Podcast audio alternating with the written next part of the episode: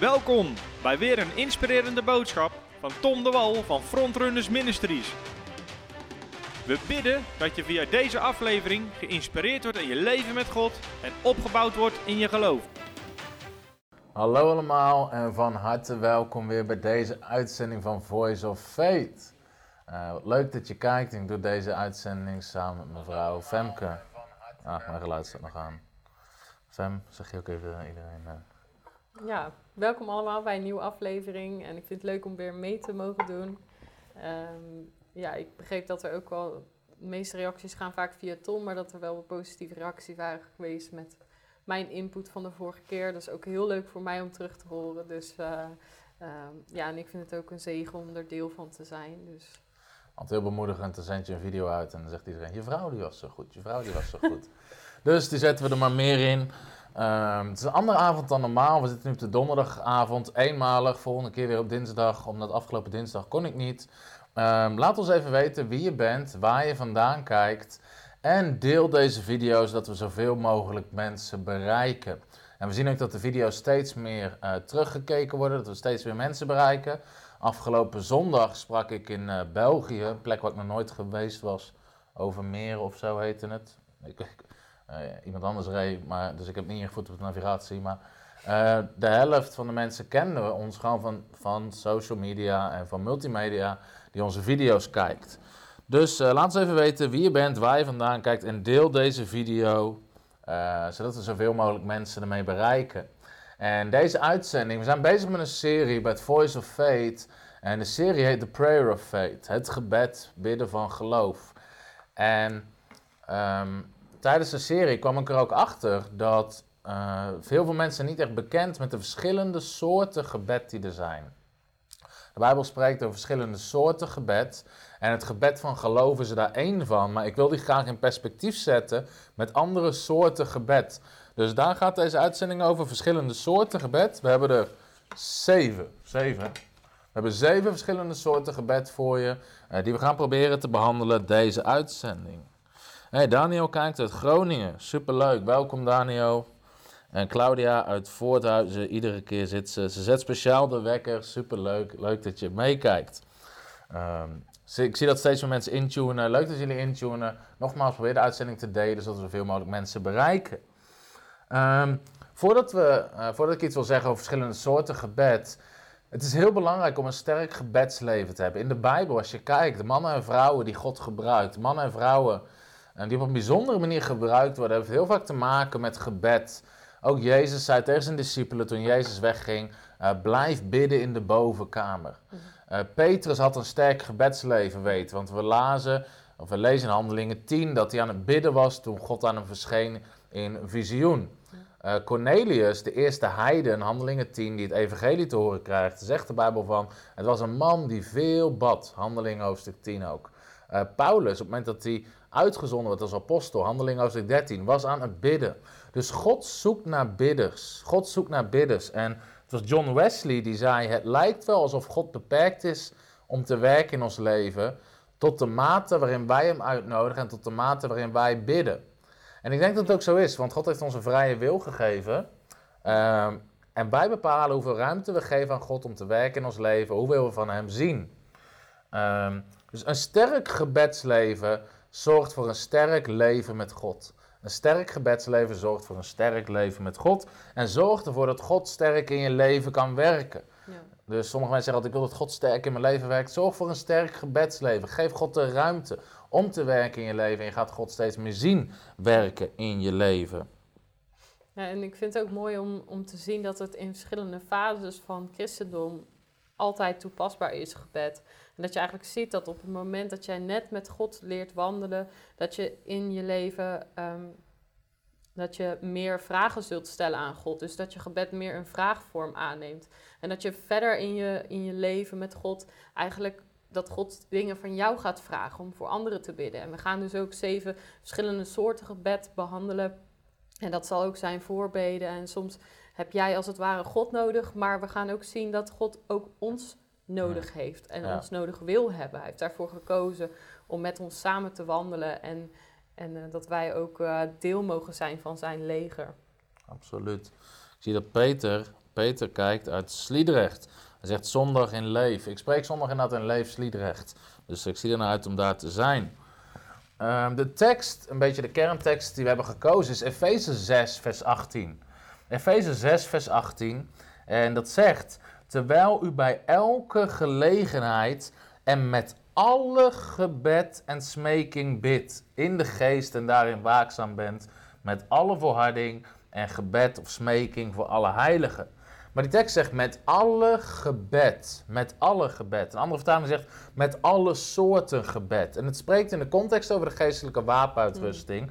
Maar daarover zegt het wel bij elke gelegenheid met elke soort gebed bid. Dus er zijn verschillende soorten gebed. En we mogen leren om die toe te passen in ons leven. En ik denk dat je het een beetje kan vergelijken met verschillende soorten sport. Uh, je kan op handbal zitten, op voetbal, op korfbal, op volleybal. Het is allemaal sport. Maar het heeft verschillende regels en het is een andere sport. Uh, hoewel het allemaal een sport is. En zo is het ook met gebed. Je hebt verschillende soorten gebed. Iedere soort gebed heeft zijn eigen regels tussen haakjes. Iedere manier waarop het werkt. Ja. Um, als je met handbal een trap geeft tegen de bal, dan ben je af. Dan, dan werkt het niet. Ook al bedenk je een doelpunt te maken op die manier, daar wordt afgekeurd omdat het niet de manier is waarop het, waarop het hoort. En met gebed is hetzelfde. Je hebt verschillende soorten gebed. En daarom zei ik al over het gebed van geloof, wat een van die soorten is. Daar zit nooit de woorden als het uw wil is in. Want voor een gebed van geloof zoek je eerst uit wat de wil van God is. Dat is een van de regels. En als je dat wel doet, dan overtreed je de regels van dat soort gebed. En daarom is het belangrijk om te weten wat de verschillende regels uh, zijn voor het, uh, voor het gebed. Dus we gaan zeven soorten gebed uh, behandelen. En wil jij ze opnoemen, Fem? En dan gaan we daarna doorheen. Um, ja, wil je de Bijbeltekst dan ook? Nee, Bijbeltekst hoeft nog niet. Um, ja, de zeven soorten gebed die we gaan behandelen zijn uh, voorbeden, het gebed van geloof, het gebed van toewijding en van richting en het gebed om je zorgen op de Heer te werpen uh, eenparig gebed, bidden in de geest en gebed van dankzegging. Ja, dat zijn de zeven vormen van gebed die we willen behandelen uh, in deze video. Als je trouwens hier meer over wil weten, want we gaan nooit de tijd hebben om het helemaal te behandelen of zo diep uit te, uit te diepen. Kenneth Hagen heeft een boek, de Prayer Study Course. En het gaat echt diep in op gebed. En uh, dat is een enorm goed boek ook wat deze soorten en misschien nog wel andere ook aanhaalt. Maar um, ik wil je ook aanraden om die te halen. Uh, ik wil er ook één weggeven, dus uh, als je hem graag wil hebben, stuur even je privégegevens naar ons in een chatbericht. En als je de eerste bent die dat doet, stuur ik het boek naar je toe. Laat even je adresgegevens weten en ik laat het boek bij jou thuis bezorgen. Het is een Engels boek, dus alleen doen als je Engels spreekt. Dan geef ik dat boek aan je. Als je de eerste bent, dus alleen de eerste, die krijgt hem. Um, dus de eerste die zijn privégegevens heeft, stuur even je adresgegevens waar je woont, uh, je naam, zodat we je dat boek naar je toe kunnen sturen. Als je de eerste bent die dat doet, stuur ik het boek naar je toe, krijg je een cadeautje van ons. Dus dat willen we je graag geven. De eerste soort gebed die willen we behandelen is voorbeden. En Filippenzen 4, vers 6. Filippenzen 4, vers 6 zegt: Wees in geen ding bezorgd, maar laat uw verlangens in alles door bidden en smeken met dankzegging bekend worden met God. En het woord voor smeken is ook eigenlijk het woord voorbeden. Je vraagt iets, je bidt ergens voor, je bent ergens mee bezig om dat um, door te bidden. Dus uh, Filippenzen 4, laat uw verlangens en alles door bidden en smeken um, bekend worden bij God. En het principe van een voorbidder is dit. De Bijbel leert ons dat Jezus een voorbidder is voor ons. En er zijn meerdere teksten over maar het betekent eigenlijk een soort middelaar. Iemand die tussen beiden komt. En als voorbidder kan jij bidden voor anderen, voor situaties. En dan kom je tussen beiden. Jij bent aan het bidden tot God om iets te veranderen in een situatie. En daar is voorbeden uh, voor. Dus je staat tussen God en het probleem in. En jij bidt voor een doorbraak om die te krijgen bij God. Uh, dus daar is voorbeden voor. Waar kan je allemaal voorbeden voor doen? En ik denk dat dit heel belangrijk is om te beseffen uh, waar je allemaal voorbeden van kan doen en hoe het werkt. En uh, de eerste, ik denk ten eerste waar voorbeden voor bestemd is, is voor de heiligen, voor de gelovigen.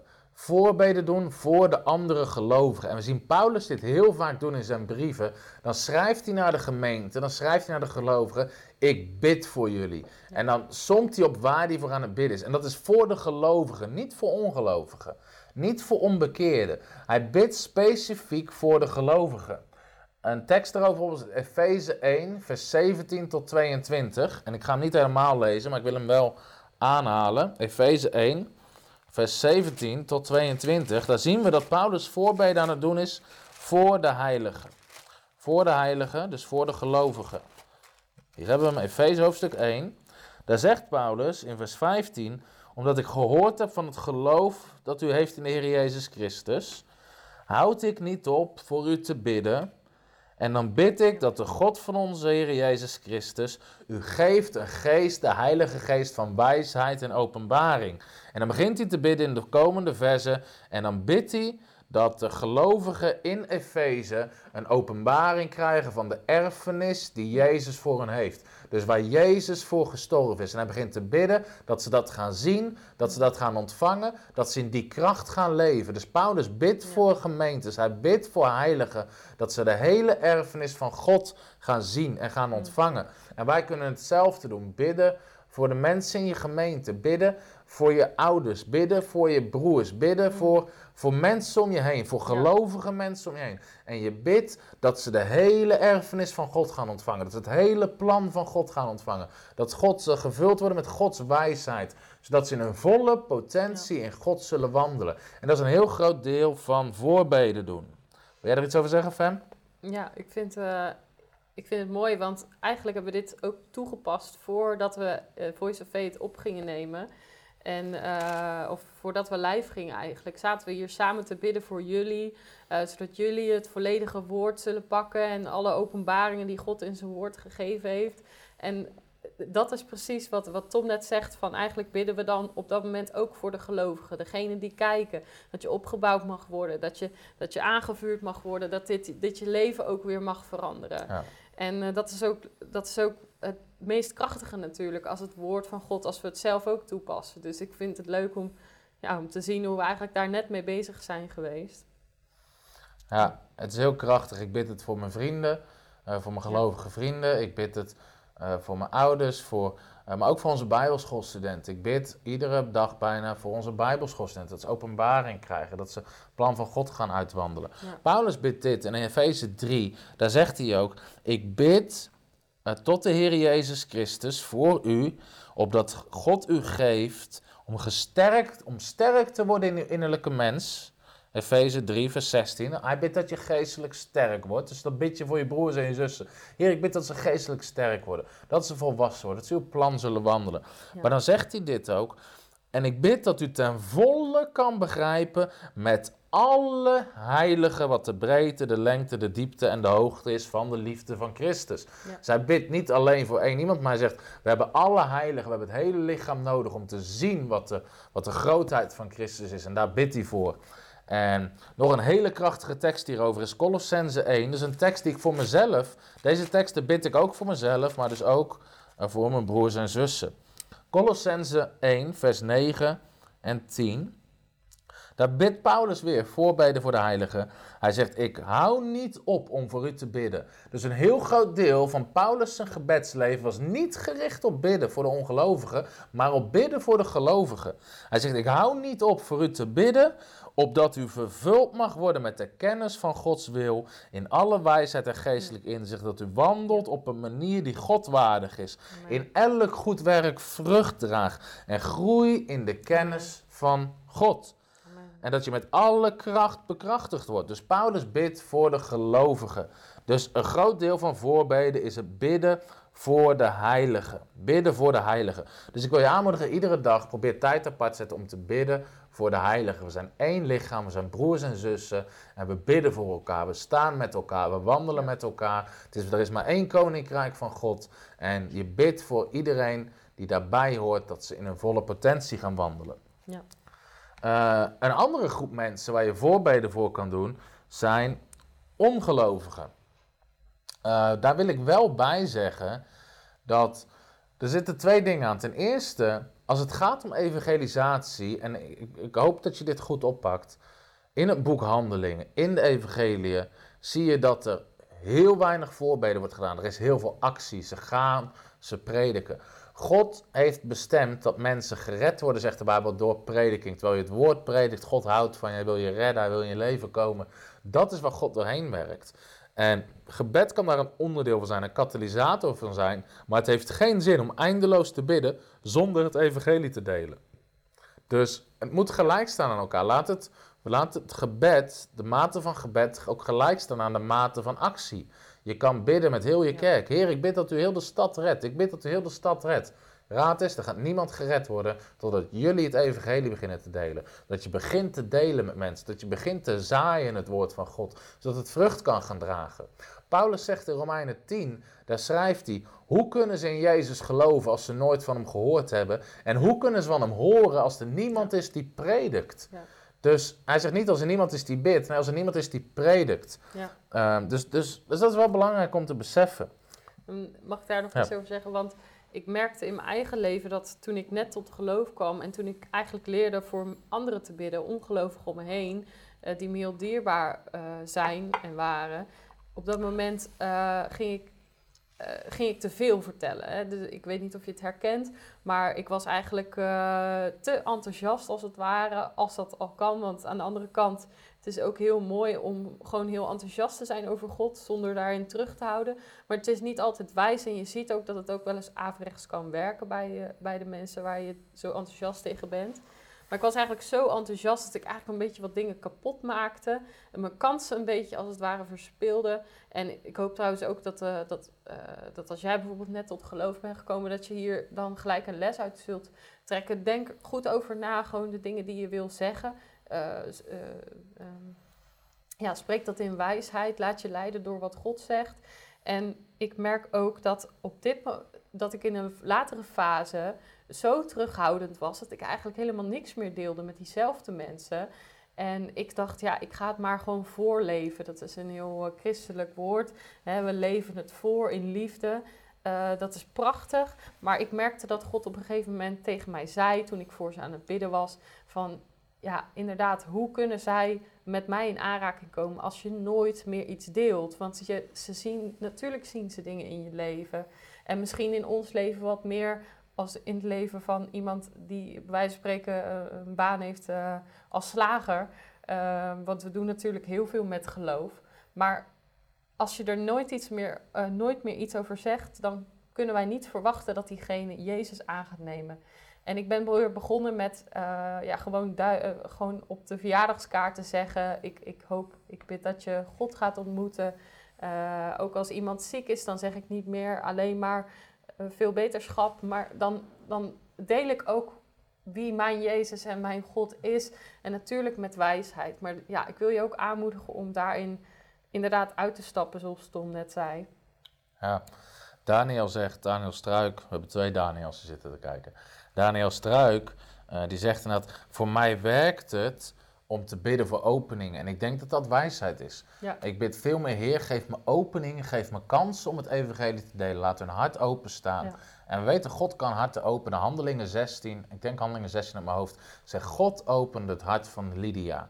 Dus God kan harten openen. Dus ik bid voor open harten, maar en ik bid voor ruimte. Ruimte om het te delen. En dat is heel erg belangrijk. Ja. 2, 1 Timotheus 2 vers 1 zegt, ik roep er dan voor alles op toe dat er voorbeden, smekingen en gebeden en dankzeggingen gedaan worden voor alle mensen. Dus het is in het hart van God dat we bidden voor iedereen, dat we bidden, dat we bidden. Dus dat zegt Timotheus, ik bid dat er voorbeden gedaan worden voor alle mensen, dus ook voor ongelovigen. Voor koningen en alle die hoog geplaatst zijn, dus voor overheden, opdat we een stil en rustig leven zullen leiden. Uh, dus bidden voor ongelovigen, voorbeden doen, is heel erg belangrijk. En iets waar je voor, als je gaat bidden voor, uh, voor voorbeden, dat mensen tot geloof komen. Handelingen 4, vers 29. Uh, ehm, ik heb hem ook in mijn aantekeningen staan trouwens, Daniel. Bid voor open deuren. Colossense 4, vers 3. Bid voor open deuren. Bid voor open harten. En Handelingen 4, vers 29, daar lezen we dat de apostelen bidden voor vrijmoedigheid om het evangelie te delen.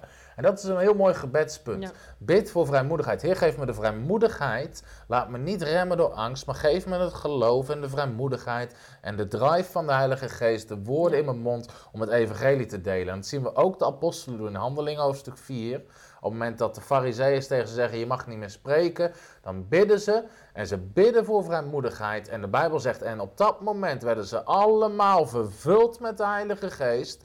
Dus je bidt voor vrijmoedigheid, God vult je met de Heilige Geest. Want Handelingen 1 vers 8 zegt, je zal kracht van de Heilige Geest ontvangen en daardoor ga je getuigen. Dus ze bidden in Handelingen 4 voor vrijmoedigheid, daardoor ontvangen ze de kracht van de Heilige Geest. En de Bijbel zegt, het hele huis schudde.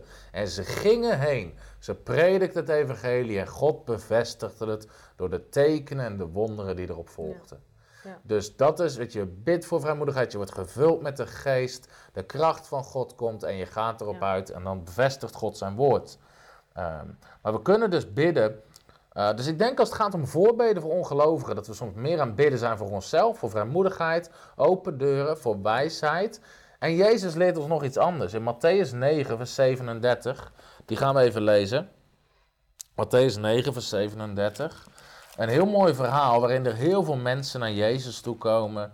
Ehm, maar Jezus, eh, qua tijd, is het gewoon bijna onmogelijk om al die mensen te bedienen. En dan zegt de Bijbel dit. Toen Jezus de menigte zag, was hij innerlijk met ontferming bewogen over hen, omdat ze vermoeid en verstrooid waren, zoals schapen die geen herder hebben. En hij zei tegen zijn discipelen: De oogst is zo groot, maar er zijn zo weinig arbeiders. Bid daarom tot de Heere van de oogst dat hij arbeiders uitzendt. Bid dat God arbeiders uitzendt. Dus dat is ook een gebedspunt wat Jezus ons leert. We bidden voor arbeiders, we bidden voor evangelisten, we bidden voor mensen die vrijmoedigheid hebben om het evangelie te delen. Zowel in het dagelijks leven, wat je beroep ook is, als in de politiek. Bid, weet je, Timotheus zegt, en dan heb ik meteen een ander punt te pakken, bidden voor de overheid. Valt ook onder voorbeden. Ehm, bidden voor de overheid. Timotheus zegt, bid voor hen die hoog geplaatst zijn. Bid voor christelijke politicussen, dat de geest van God op ze komt, dat ze spreken met wijsheid, dat ze harten kunnen openen in de politiek, dat ze de plannen van God daar kunnen doorvoeren. Dat leert de Bijbel ons. Dus bidden voordat de Heer arbeiders uitzendt in de oogst. Dat betekent niet dat iedereen de straat op moet, altijd om te evangeliseren, op je werk, of je juf bent, of dat je prediker bent, of dat je slager bent, of in de sportschool werkt. Weet je, we hebben overal arbeiders nodig, want overal zijn mensen die Jezus nog niet leren, nog Ja. niet kennen. Ja. En bijvoorbeeld, ik ben vandaag de hele dag op een bijbelschool geweest om les te geven, maar iedereen daar kent Jezus al. Maar jij hebt misschien in een bakkerij gewerkt, of ergens anders gewerkt, waar je ook mensen tegenkomt die Jezus niet, en die spreek ik niet. Ik ken ze niet, maar jij kent ze wel. Ja. Daarom bidden we de Heer om arbeiders in de oogst. Mensen die een oogstmentaliteit hebben. Mensen die willen arbeiden in het koninkrijk. Als je dat gelooft en als je een arbeider bent, typ amen. En als je gaat bidden voor arbeiders ook. Ja, en ik heb ook gemerkt dat, het, eh, dat jij eigenlijk aan het roer staat van hoeveel je daarin eh, gebruikt gaat worden door God. Want eh, het begint altijd in het kleine. De Bijbel zegt, wees getrouw in het kleine je zal over meer gesteld worden. En ik heb het zo vaak gemerkt met dingetjes waarbij God me uitdaagde. Inderdaad, eh, dat ik ging bidden, Heer, he- gebruik mij. Gebruik mij om te bidden bijvoorbeeld voor een zieke. Of gebruik mij om te bidden voor... of om iemand aan te spreken of heer voor open deuren. En dat ik dan open deur kreeg en ik dacht, oh nee, niet die deur, die deur. en op het moment dat jij niet door die deur heen gaat, dan zal de volgende deur ook niet eh, voor je open gaan. En dan zal je soms ook eh, verslappen en niet meer eh, verder gaan in, in je geloof en om, om meer mensen te bereiken. Dus ik wil je ook aanmoedigen, het begint echt bij het kleine. En ik geloof ook dat jullie volgende week ook dingen mee zullen maken. En we horen ze ook graag terug. Maar op het moment dat je hierover spreekt, op het moment dat we hier onderwijs over volgen, dan gaat er weer iets, misschien weer iets bij je groeien. Waarvan je, wat je al een lange tijd ook hebt gehad. Dat, je- dat God je voor dingen wilde gebruiken, maar misschien is het uitgedoofd geraakt. En ik bid echt dat je dan weer aangevuurd mag worden. En dat je gewoon weer die kleine stapjes gaat nemen, want daar begint het uiteindelijk eh, is dat belangrijk. Eh, dat op die manier mensen bereiken om ons heen. Dus dat is voorbeden voor ongelovigen. Ehm, Waar we ook voorbeden voor doen. We zitten nog steeds bij gebed nummer 1. Voorbeden wat je doet voor gelovigen, voor overheden, voor ongelovigen, voor open deuren, voor vrijmoedigheid. Waar we ook voorbeden voor doen, is een uitstorting van de Heilige Geest. En net zoals Handelingen 4, ze waren aan het bidden en toen werd de geest uitgestort. Zacharia, een boek wat je niet elke dag leest waarschijnlijk, maar Zacharia 10, vers 1, zegt: Vraag de Heere om regen ten tijde van de late regen. Want de Heere maakt de wolken en hij zal regen geven. En ook Jacobus leert ons om te bidden voor regen, wat een beeld is van de Heilige Geest, Jacobus 5. Ehm, dus God zegt: Vraag mij om regen. En regen is een beeld van de Heilige Geest. God laat het regenen met zijn geest, de vroege regen en de late regen. En, dus je kan God bidden. Vraag God om een uitstorting van de Heilige Geest in je kerk, in je woonplaats. Bid voor een beweging van de Heilige Geest. Uh, dus dat is een heel bijbels gebed. En ik merk als je daarvoor begint te bidden in je samenkomst, dat je de geest van God ruimte geeft. Zoals John Wesley zei, door te bidden maak je ruimte voor God. Je maakt ruimte voor God. En door voorbeden te doen voor een uitstorting van de Heilige Geest en volgens uit te gaan stappen, begint de geest altijd te bewegen. Dus regen is een beeld van de Heilige Geest. En ik bid voor onze Bijbelschool, voor onze Revive-avonden, voor de samenkomst waar we spreken, voor een uitstorting van de Heilige Geest, een beweging van de Heilige Geest. Dat de gaven van de Geest op de mensen komen. Weet je, dat we geestelijke impact hebben. Vraag de Heer om regen ten tijde van de regen. Weet je, het is tijd, God vindt het tijd om te regenen. Maar toch zegt hij, vraag het aan mij. God is op zoek naar mensen. Vraag de Heer om regen ten tijde van de regen. Ja. En dus, dus regen, een beeld van de Heilige Geest waar je God om kan vragen. Regen is ook een teken van zegen. God laat het regenen op je veld, waardoor je gewas, waardoor je oogst groeit. En een heel mooi gebed vind ik het gebed van Jabes. Kunnen we misschien nog eens een keer een serie over doen. Maar Jabes is een heel bijzonder gebed. Want in het boek Chronieken worden heel veel geslachten opgenoemd en bij naam. En gewoon geslachtsregister. En er worden allemaal namen opgenoemd. En het zijn teksten denk die je meestal overslaat, want ze zijn niet zo spannend. Maar dan staat er, tussen al die namen wordt er één iemand uitgelicht en er worden twee regeltjes over gezegd. En dat is Jabes. 1 Kronieken 3, 1 Kronieken 4, vers 9. Dus er staat, uh, die verwekte die, die verwekte die, die verwekte die. En dan staat er, en er werd Jabes verwerkt. En Jabes was groter van aanzien dan zijn broers. En zijn moeder had hem Jabes genoemd, want ze had hem met smart gebaard. En Jabes betekende pijn of verdriet. Er was iets gebeurd in zijn opvoeding met de geboorte wat de moeder verdriet had gebracht. Maar dan zegt de Bijbel dit. Jabes riep de God van Israël aan en hij bad, Heer, ik bid dat u mij rijk zegent en mijn gebied mijn invloed en mijn materiële gebied uitbreidt. Dat uw hand met mij is en het kwade van mij wegdoet. En dan zegt de Bijbel, en God liet komen waarom, waarvoor hij bad. God liet komen waarvoor hij bad. En ik bid dat op dit moment ook over jouw leven. Dat God je rijk zegent, je gebied uitbreidt, de hand van God op je is en het kwade uit je leven weggaat in Jezus' naam. Als je het ontvangt, zeg amen, ik ontvang het. Maar bid dat ook voor je eigen leven, voor de zegen van God. Want God wil je zegenen om een zegen te zijn. En hoe meer je gezegend wordt, hoe meer je kan zegenen. En dus Jabes bidt daarom. En de Bijbel zegt niet, en God vond het fout. En zei Jabes, waar vraag je nou om? Nee, God liet komen waarom hij vroeg. En hij vroeg, Heer, zegen mij rijk. Weet je, ik bid voor Gods rijke zegen op mijn leven, op ons leven. Zodat we een zegen kunnen zijn en een grotere zegen kunnen zijn. En dus dat is goed om voor te bidden.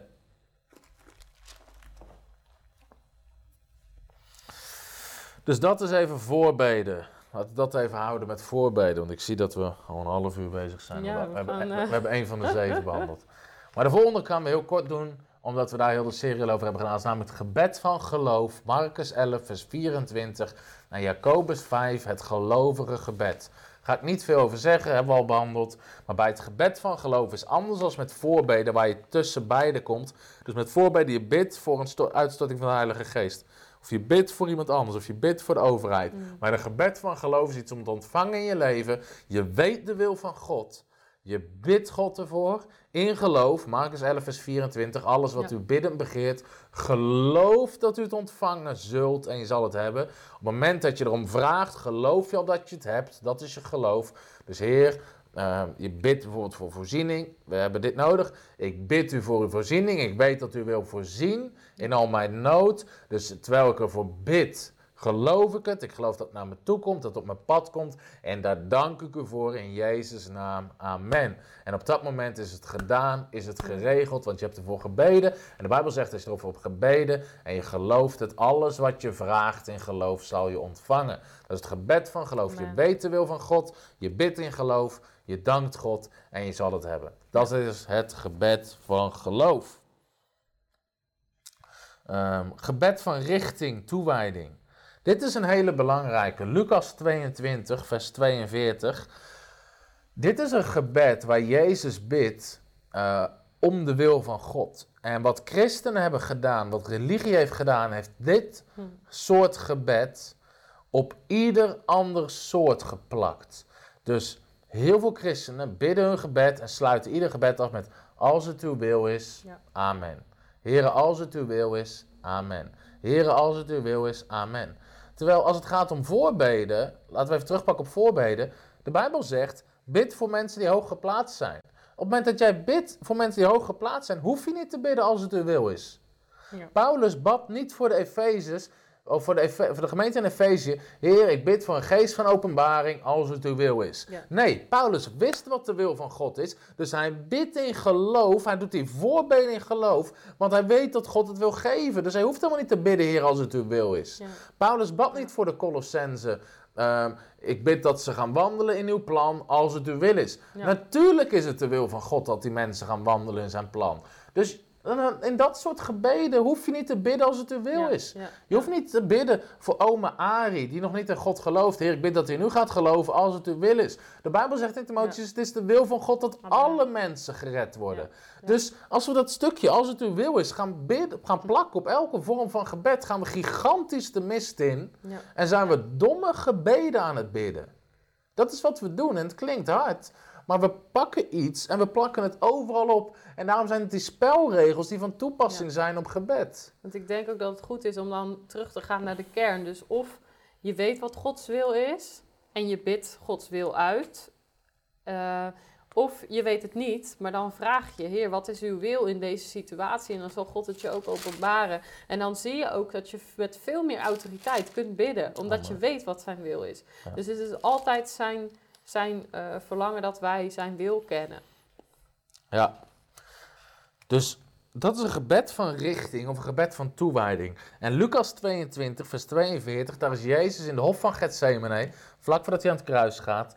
En daar bidt hij, Vader, als u wil, neem deze drinkbeker van mij weg. En dat spreekt over de lijdensbeker, het lijden waar hij doorheen zou gaan. Maar laat niet mijn wil, maar uw wil geschieden. Ja. En dan zegt de Bijbel, er verscheen een engel aan hem, die hem versterkte. En toen wist Jezus ook, oké, dit is de wil van God. En daarna deed hij de wil van God. Dus Jezus bidt en hij ontvangt daar de wil van God. En dan hoeft hij niet meer te zeggen daarna, Heer, als het u wil is. Hij wist vanaf, oké, dit is de wil van God, dus ga ik het doen.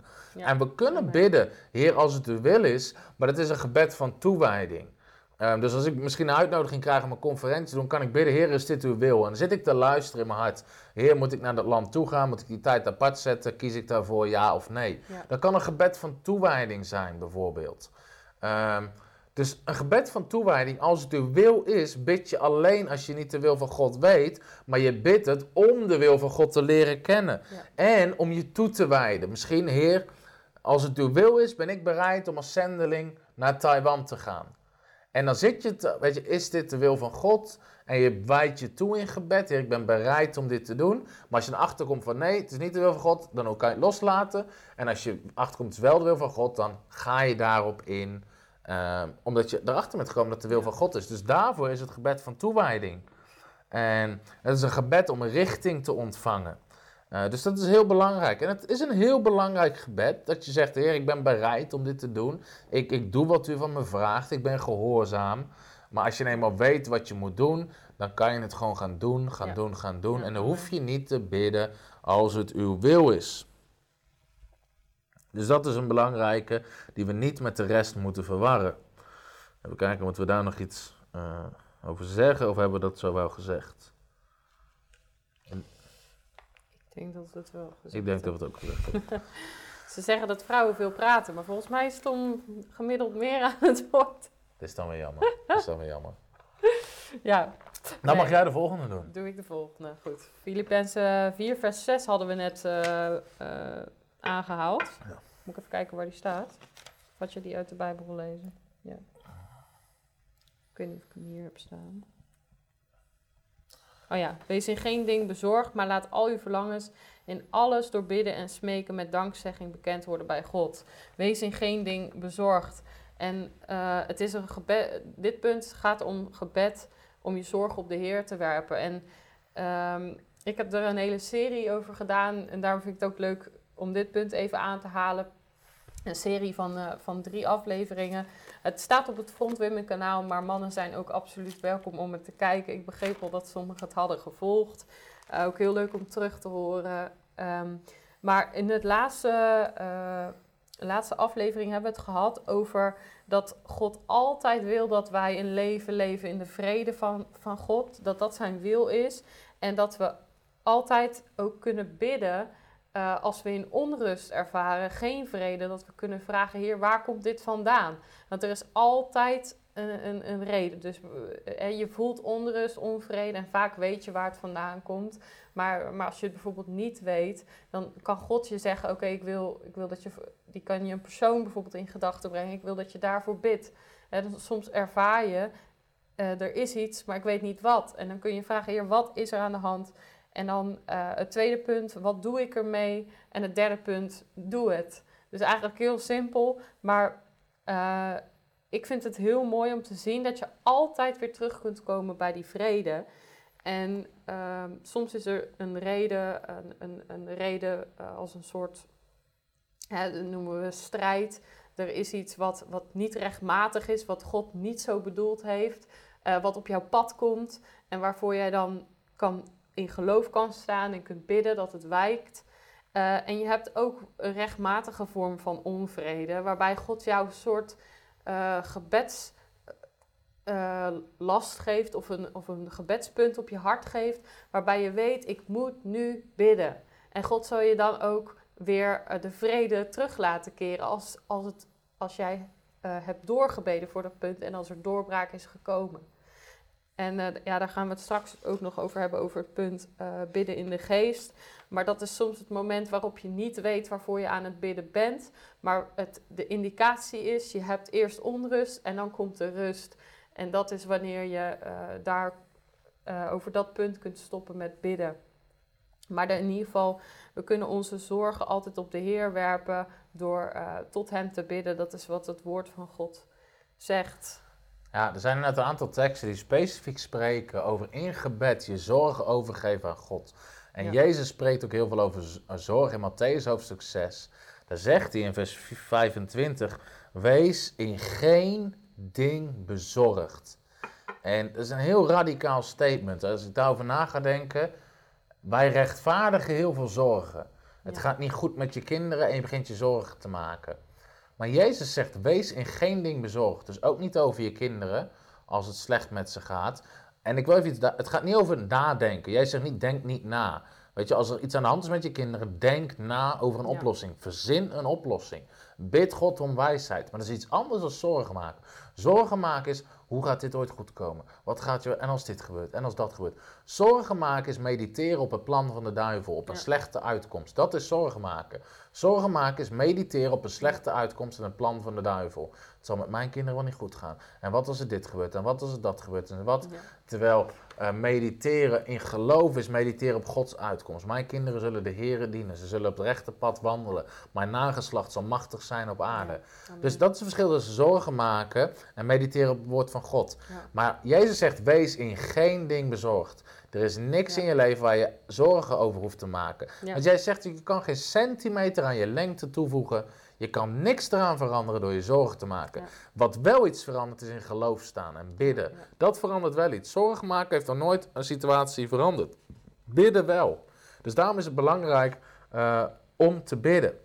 En Jezus zegt, richt je op het koninkrijk van God in Matthäus 6. En al die andere dingen waar je zorgen over maakt, zal hij je erbij geven. En ik ga je twee teksten geven die specifiek zeggen dat je je zorg aan de Heer moet geven. Dus Psalm 55, vers 23. Werp uw zorgen op de Heer, dan zal hij voor u zorgen. Ja. Werp je zorgen op God en Hij zal voor je zorgen. Als we dingen zelf vasthouden, geven God niet eens de ruimte om erin te werken. Maar je geeft je zorgen aan God en God krijgt de ruimte om erin te werken. En 1 Petrus 5, vers 7 zegt hetzelfde. Werp al uw zorgen op Hem, want Hij Ja. zorgt voor u. Dus het kan in gebed zijn, Heer, weet je, wel, dit, dit is er aan de hand. God weet wat er aan de hand is. Maar ik geef het nu over aan u. En dan stop ik om de zorgen over te maken. Soms doe ik dat heel bewust. Heer, Ja. ik leg het bij u neer en nou ligt het ook bij God. En sommige mensen leggen het bij God neer en pakken het iedere keer weer terug. Ja. Weet je wel, Heer, ik leg het aan u. Ik, weet je wel, de zorgen die ik heb over mijn kinderen geef ik aan u. Maar wat nou als dit of dit gebeurt? En ze pakken het meteen weer terug. Ja. Nee, je legt het bij God neer Ja. en daar hou je het. Werp uw zorgen op de Heer. Ja. Dus geef ze aan God, niet om ze daarna terug te geven. Dus twee stappen om van zorgen af te komen. Geef ze aan God, richt je op het koninkrijk. Nogmaals, gaat er niet over, denk niet na, want soms als iets aan de hand is moet je een oplossing verzinnen. Maar zorgen maken is mediteren op het plan van de duivel. Ja. En nadenken is nadenken, bidden voor wijsheid en doen wat God zegt. En dat is een verschil. Ik zie dat Bas kijkt, superleuk trouwens. Bas, fantastisch. Ehm, dus dat, dat over zorgen maken. Vijfde punt, we, we komen er wel. We komen er wel. Eenparig gebed of gezamenlijk bidden. Eenparig gebed of samen bidden. Jezus zegt in Matthäus 18, vers 18: eh, Alles wat u op aarde bindt, zal in de hemel gebonden zijn. Alles wat u op aarde ontbindt, zal in de hemel ontbonden zijn. Even een vrije samenvatting. Wat in de hemel vrijgezet is, wat in de hemel is, zet dat op aarde vrij. Zorg dat het op aarde komt. Wat niet in de hemel is toegestaan, zorg dat het ook op de aarde verdwijnt. Dat is wat Jezus zegt. Verder zeg ik u, als twee van u op aarde iets wat dan ook eenstemmig verlangen, het zal hun ten deel vallen bij mijn Vader die in de hemel is. Ja. En waar twee of drie samenkomen in mijn naam, daar ben ik in hun midden. Dus Jezus leert ons hier iets over samen bidden, gezamenlijk bidden. En er zijn een aantal teksten hierover spreken dat het krachtig is om samen te bidden. En dat kan als man en vrouw, dat kan in je huwelijk samen bidden. Met je kinderen samen bidden.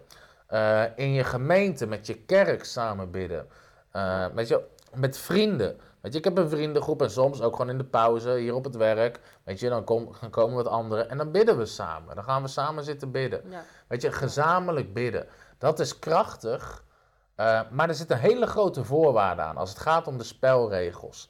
En dat is namelijk dit. En ik ga je die tekst nog een keer lezen. Eh, alles wat u eenstemmig verlangt. Eenstemmig verlangt. En in het Grieks staat daar symfonie. En symfonie is een muziekstuk wat allemaal in elkaar, perfect in elkaar past. En Handelingen 4 spreekt ook over samen bidden. Daar staat, ehm, zij, de apostelen, verhieven eensgezind hun stem tot God en ze zeiden, en dan beginnen ze te bidden.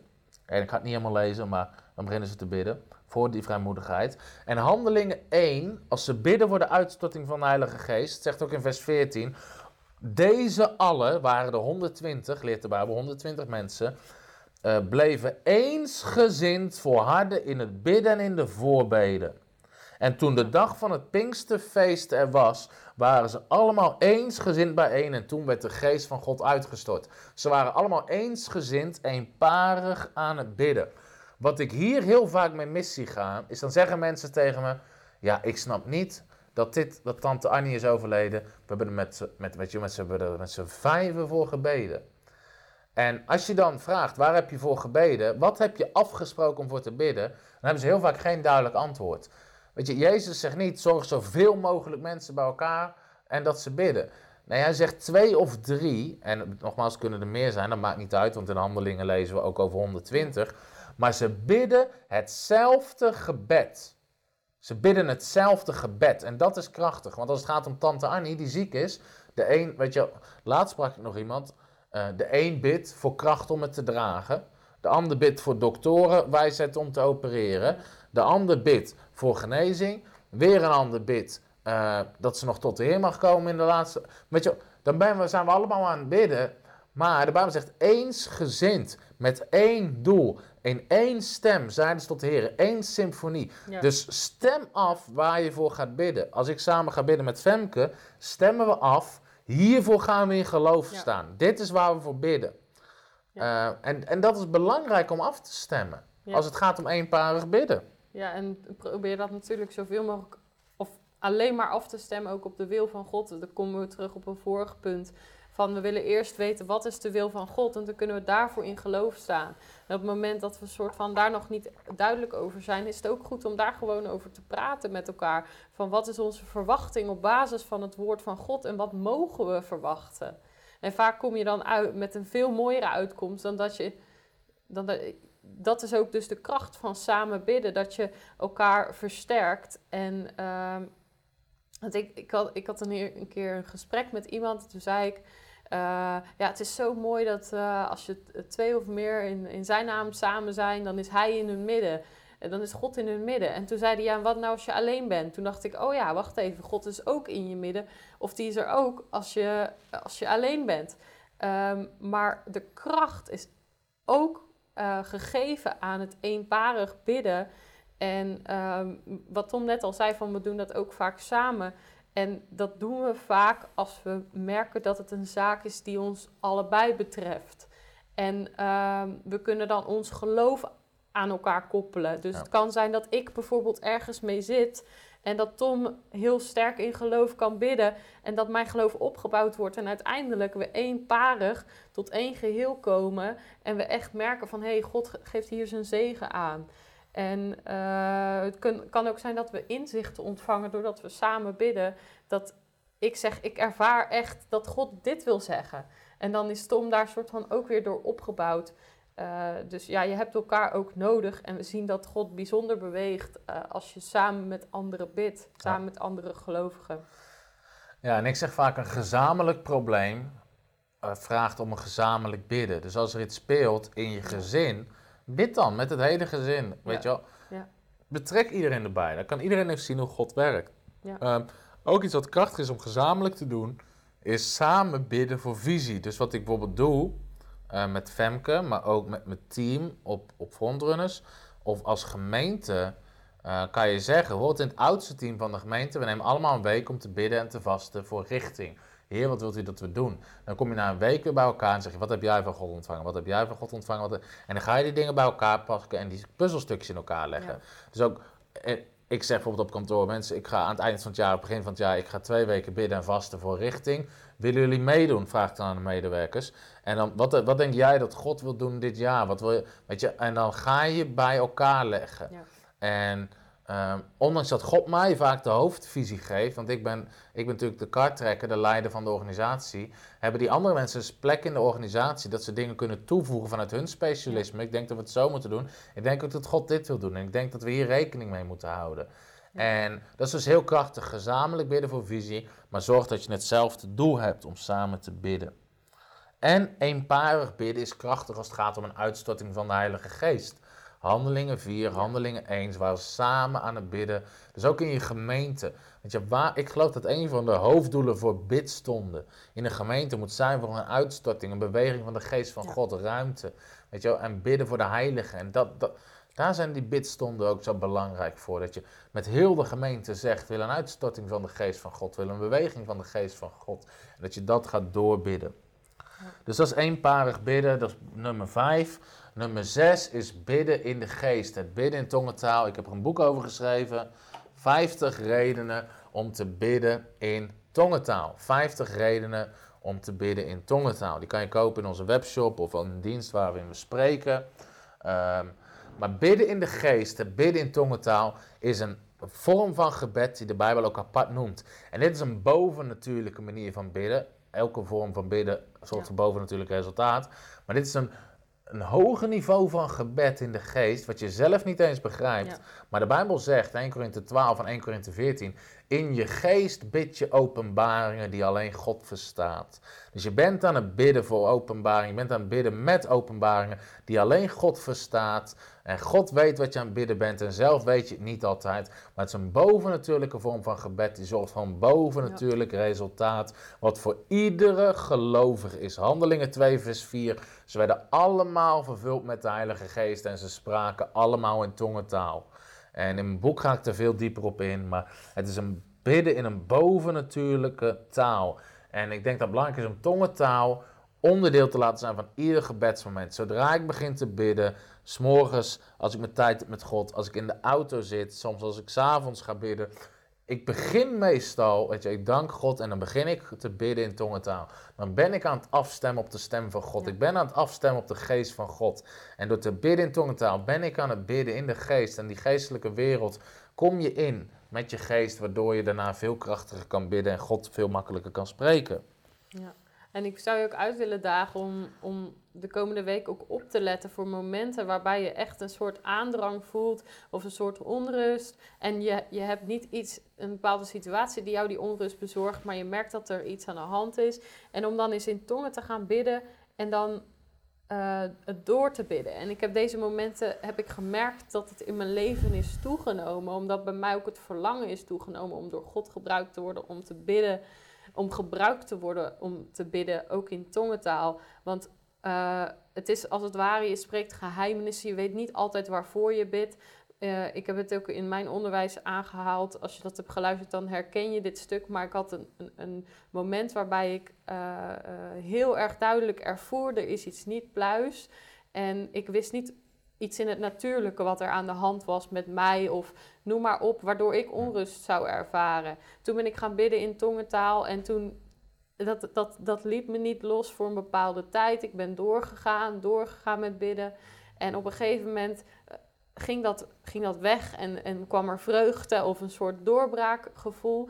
En eh, de volgende dag kreeg ik eh, contact met iemand. En ik had diegene al in mijn gedachten. Dus ik had al het gevoel dat ik voor diegene aan het bidden was. En diegene die zei, ik vroeg hoe gaat het met je? En diegene vertelde dat hij eh, eh, tot midden in de nacht aan het, aan het lopen geweest was met, met een hele hoop vraagstukken waarvan ik het gevoel had na dat gesprek, het had heel anders af kunnen lopen. Maar ik geloof echt op dat moment door mijn gebed is in ieder geval eh, dat gestopt. En, en ehm, ja, ik, ik zou je dus uit willen dagen. Ik geloof echt dat God ons daar meer en meer voor wil gaan gebruiken. En ik geloof ook dat als je je daarvoor openzet, dat God je daar meer voor kunt gebruiken. eh, kan gebruiken. Dat boek wat Tom net aanhaalde van Kenneth Hagen, wat hij ook eh, weg wil geven. Daar vertelt Kenneth Hagen ook dingen eh, over. En Kenneth Hagen die had zo'n gro- grote openbaring over dit punt, dat hij zelfs op verjaardagen op zijn knieën ging en zei, ik moet bidden jongens, ik voel dat ik moet bidden. En hij, hij ging niet zijn excuses aanbieden, hij bad overal waar hij was en hij, en hij, hij volgde de Heilige Geest, hij was dienstbaar. Ja, daar wil, daar wil ik je in aanmoedigen. Ja, dus bidden in tongentaal is de zesde vorm van gebed. En ik zeg vaak, heb je een probleem dat je niet begrijpt, bid in een taal die je niet begrijpt. Ja. Want dan bidt God perfecte openbaringen, een perfecte gebedstaal voor jou, door jou en met jou. Dat is heel krachtig. Eh, laatste vorm wat we willen behandelen is gebed nummer 7. En dat kan ook onderdeel zijn van ieder gebed of een apart gebed, is dankzegging. Een gebed van dankzegging. Ja. Filippenzen 4 vers 6, wees in geen ding bezorgd, maar laat uw verlangens in alles door bidden en smeking, of smeken, met dankzegging bekend worden bij God. Met dankzegging. En Paulus schrijft ook, omdat ik gehoord heb van uw geloof, ehm, houd ik niet op voor u te danken. En Psalm 104, of Psalm 100 vers 4, ga zijn poorten binnen met lofoffer. In Engels staan zegt, enter his uh, gates with thanksgiving, met dankzegging. Ja. Dankzegging hoort een onderdeel te zijn van ieder gebed, of soms zelfs een gebed op zich. Waar je gewoon begint met God te danken. En ik denk stiekem dat we dat heel vaak, inclusief ikzelf, wel eens vergeten. Dat we alweer bezig zijn met het volgende en het volgende. In plaats van God te danken voor wat hij in het verleden al heeft gedaan, Ja. wat hij nu aan het doen is, wat hij in de toekomst gaat doen. En het bouwt zo'n geloof alleen al voor jezelf. Als je soms gewoon, weet je, ik wil je uitdagen, ga gewoon eens God danken voor wat hij dit jaar al heeft gedaan in je leven. Alleen dit jaar. Of zeg vorig jaar en dit jaar. Alleen wat hij to- toen heeft gedaan. Hoe hij je toen heeft beschermd. Hoe hij je toen heeft geleid. Welke zegeningen die heeft gegeven. De openbaring die heeft gegeven. Hoe je geestelijk bent gegroeid. Weet je, en als je dat Ja. op gaat sommen, man, dan bouwt het een geloof in je hart. En dan wordt je hart vol van dankbaarheid en ontzag. En dan, de Bijbel zegt, je gaat zijn poorten binnen, zijn Ja. tegenwoordigheid binnen met dankzegging. Ja. Op het moment dat jij je hart gaat richten op hoe groot God is, wat God voor heeft gedaan, dat vult je hart, het vult je geloof. En het doet echt iets, het verandert iets. Het geeft je ook geloof voor de toekomst. Je bent God dankbaar voor wat hij al heeft gedaan. En, en het verandert echt iets in je leven. Mm. Eh, je richt je op Gods grootheid. En ik denk dat het heel belangrijk is dat we God veel danken. Dat we God veel danken voor wat hij doet. Hij is zo'n goede vader. Mm. Hij is zo waard onze dankzegging. En alles is door hem. Ja, zegt, alles is tot hem, alles is voor hem, alles is door hem. Hij staat centraal. In hem leven wij, bewegen wij. In hem vinden we ons bestaan. ja. Weet je, voordat de aarde er was, weet je, hij is waard onze dankzegging. En als je God gewoon begint te danken, man, dat bouwt een geloof. Het verandert de atmosfeer. En het doet iets. En zeggen we als praise of thanksgiving is the sound of faith. Je dankt God, het is geluid van geloof en het verandert iets in je leven.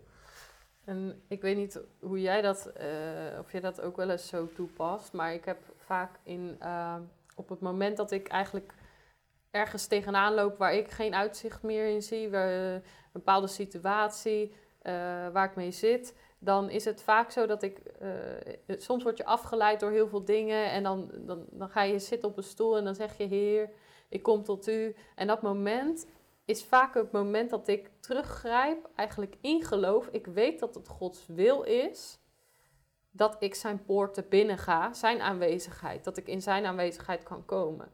En hij geeft eigenlijk een sleutel, ga die binnen met dankzegging. En ik heb heel vaak gewoon gezegd, terwijl ik me echt, wijze van spreken, hopeloos voelde, dan zei ik, Heer, dank u wel, dank u wel dat u er voor me bent. Dank u, Heer, ik, ik, ik begin heel vaak mijn gebed met, dank u, Heer, dat u me nooit zult verlaten, nog zult vergeten.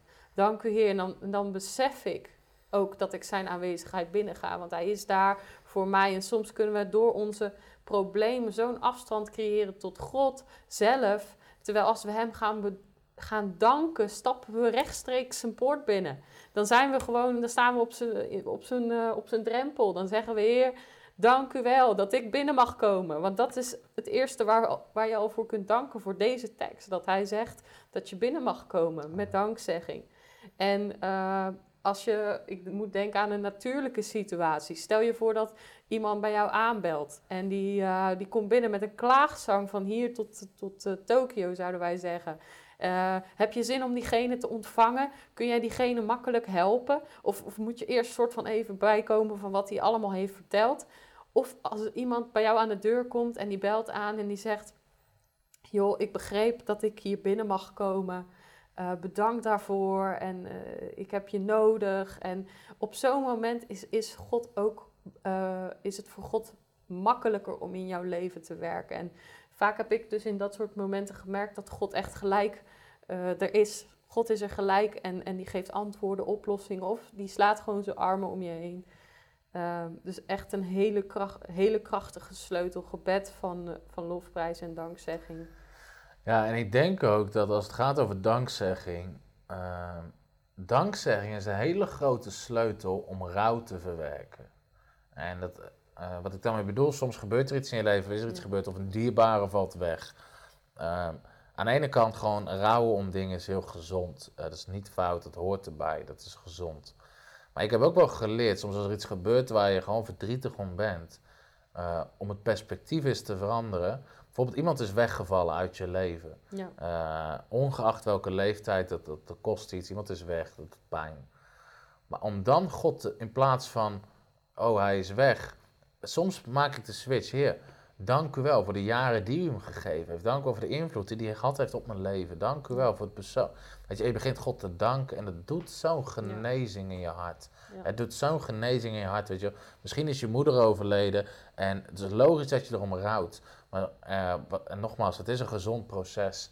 Alleen als we ook beginnen te danken, Heer, dank over de jaren die ze geleefd heeft, voor de input die ze gegeven heeft, ja. voor de vrouw die ze geweest is. Weet je, dat verandert zo'n proces. En dan hel- komen we in dankbaarheid. Ja. En ik denk dat een hele grote sleutel is danken voor dingen die God gedaan heeft, die die nu doet, die in de toekomst zal doen.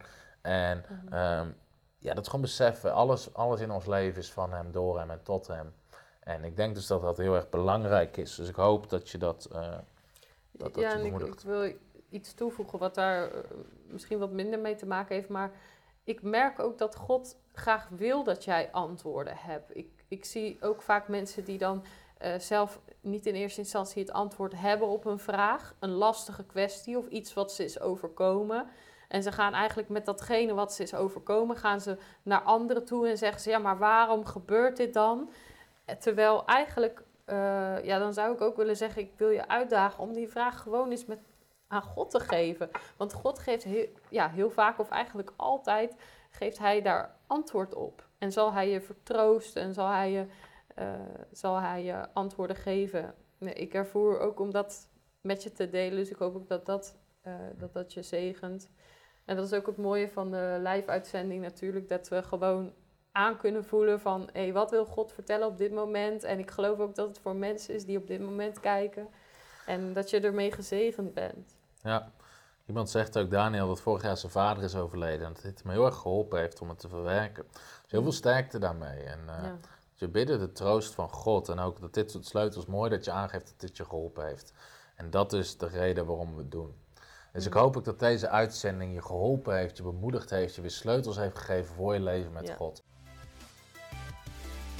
Hallo, Tom de Wol hier en bedankt dat je weer geluisterd hebt naar onze podcast. Ik bid dat het je geloof gebouwd heeft en je bemoedigd bent. Als je niet alleen een luisteraar van onze boodschap wil zijn, maar ook een verspreider daarvan, wil ik je uitnodigen om partner te worden van Frontrunners. Door jouw maandelijkse donatie help je ons om dit evangelie van Jezus Christus en het woord van God over heel de aarde te brengen. Om partner te worden, ga naar www.frontrunnersministries.nl slash partners en word partner. Hartelijk bedankt en tot snel. Heb je ook zo genoten van deze inspirerende boodschap van Tom de Wal? Abonneer je dan op deze podcast. Volg ons op Facebook en op Instagram en kijk op onze website frontrunnersministries.nl.